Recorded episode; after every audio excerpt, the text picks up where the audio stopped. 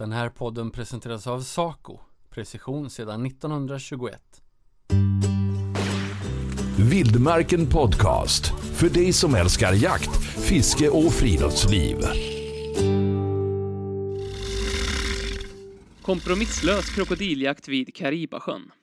Krokodilen är en av Tongastammens farligaste grannar och en av de vanligaste orsakerna till arbetsolyckor bland flodfolkets fiskare.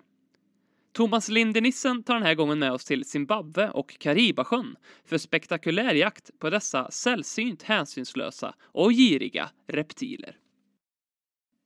Även om den styckade flodhästen inte har varit död i mer än ungefär ett dygn så har den olidliga värmen gjort att den redan stinker något fruktansvärt.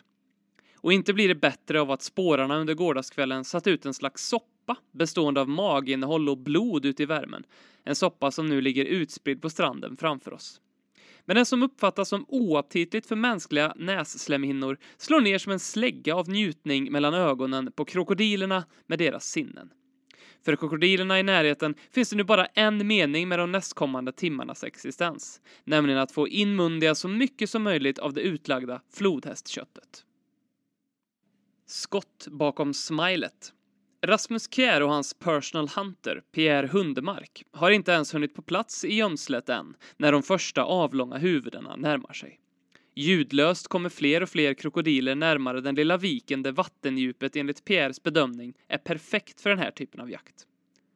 Kulan ska placeras precis bakom ögat, eller ännu bättre bakom smilet som avslutet på mungipan kallas. Vid den första placeringen träffas hjärnan medan skottet bakom mungipan knäcker ryggraden precis där den fortsätter in i kroppen. Krokodiler kan skjutas på pyrsch längs sjö och flodbankar eller på bete. I en så stor sjö med så öppna flodkanter som Karibasjön i Zimbabwe, där vi jagar, är pyrsch inte ett alternativ. För att ge Rasmus så stor chans som möjligt att lägga ner en stor krokodil så har Pierre bestämt sig för att använda bete. Även om krokodilerna är snabba att komma fram så är detta inte så lätt som det kanske låter. Det gäller att sitta stilla och väldigt tyst. Ofta dröjer det inte så länge innan de första mindre krokodilerna vågar sig upp för att smaka på saker. Därefter kommer de större och så småningom kommer endast de stora vara på betet. Då måste den största av dessa väljas, den måste vara fri från de andra krokodilerna och den måste ligga stilla. Därefter ska skottet sättas med precision och följas upp med ett par skott till. Detta för att säkerställa att krokodilen inte tar sig tillbaka till vattnet. Massor av tunga havsmonster. Sakteligen masar sig de första mindre krokodilerna upp på land, samtidigt som fler och fler tillkommer ute på sjön. Pierre bedömer fortlöpande huvudena på de flytande krokodilerna för att få en uppfattning av om det finns några riktigt stora där ute. Medan de ligger i vattnet bedömer han bland annat storleken på krokodilens tänder samt hur brett och långt huvudet är. På land bedömer han naturligtvis djurets totala längd, men också hur lång krokodilens kropp är eftersom det är en tydlig indikator på en jätte. Krokodiler kan knappast betraktas som levande fossiler eftersom de inte har förändrats mycket under de senaste 80 miljoner åren. Krokodiler kan bli upp mot 100 år gamla, väga över ett ton och uppnå en längd av 6,5 meter.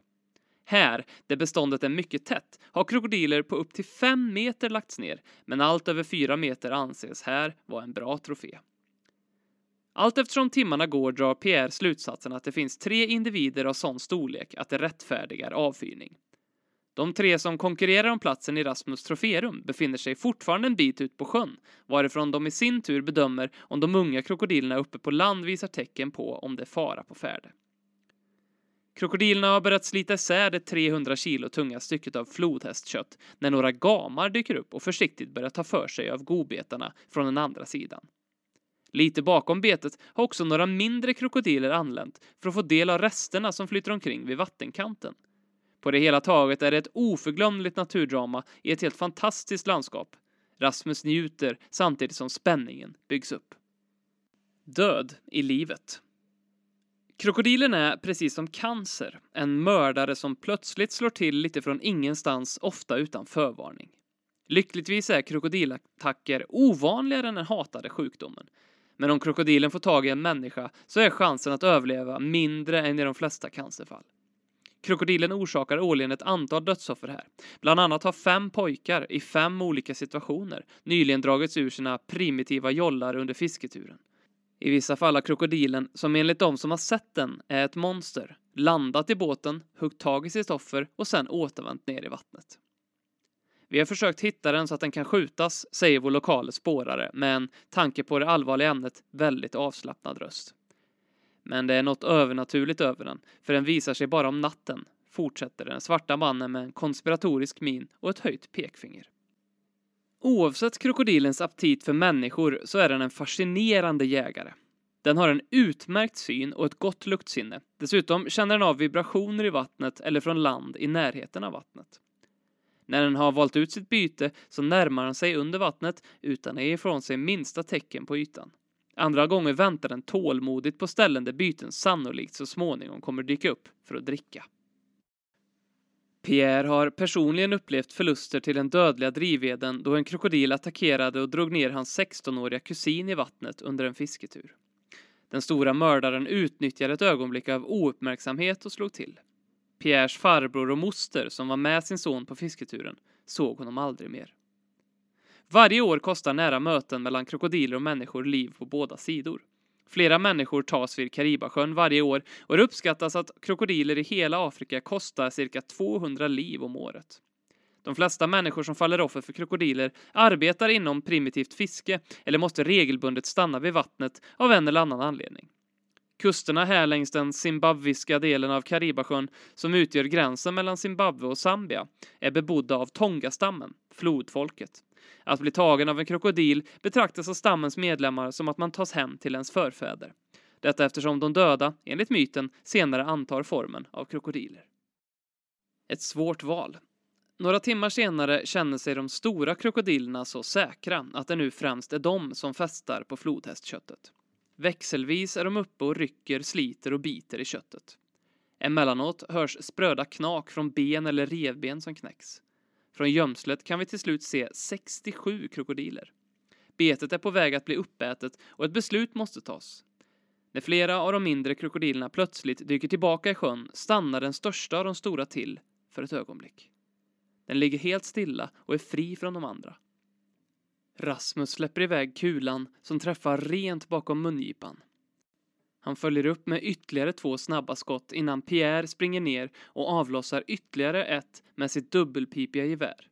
En dramatisk dag vid stranden på den långa sjön är över. Under denna jakt underströks det att krokodilen är en hänsynslös och girig reptil. Och det var just glupskheten som till slut kostade livet på den 4,18 meter långa mördaren. Men även om han nu är borta ligger andra giriga jättar redo strax under ytan, redo att ta över och cementera hierarkin i den grumliga sjön. På ett lustigt sätt får tanken om maktkamp i det grumliga vattnet mig att tänka på landets politiska situation. Efter Robert Mugabes fall 2017 kan det finnas bättre tider i sikte för det hårt prövade landet. Men låt oss inte glömma att efterträdaren Emerson Mnangagwa under många år var Mugabes högra hand. Det är förmodligen inte utan anledning som han i folkmun fått smeknamnet Krokodilen. Vildmarken Podcast. Hitta fler avsnitt och ta del av vårt digitala magasin på vildmarken.se.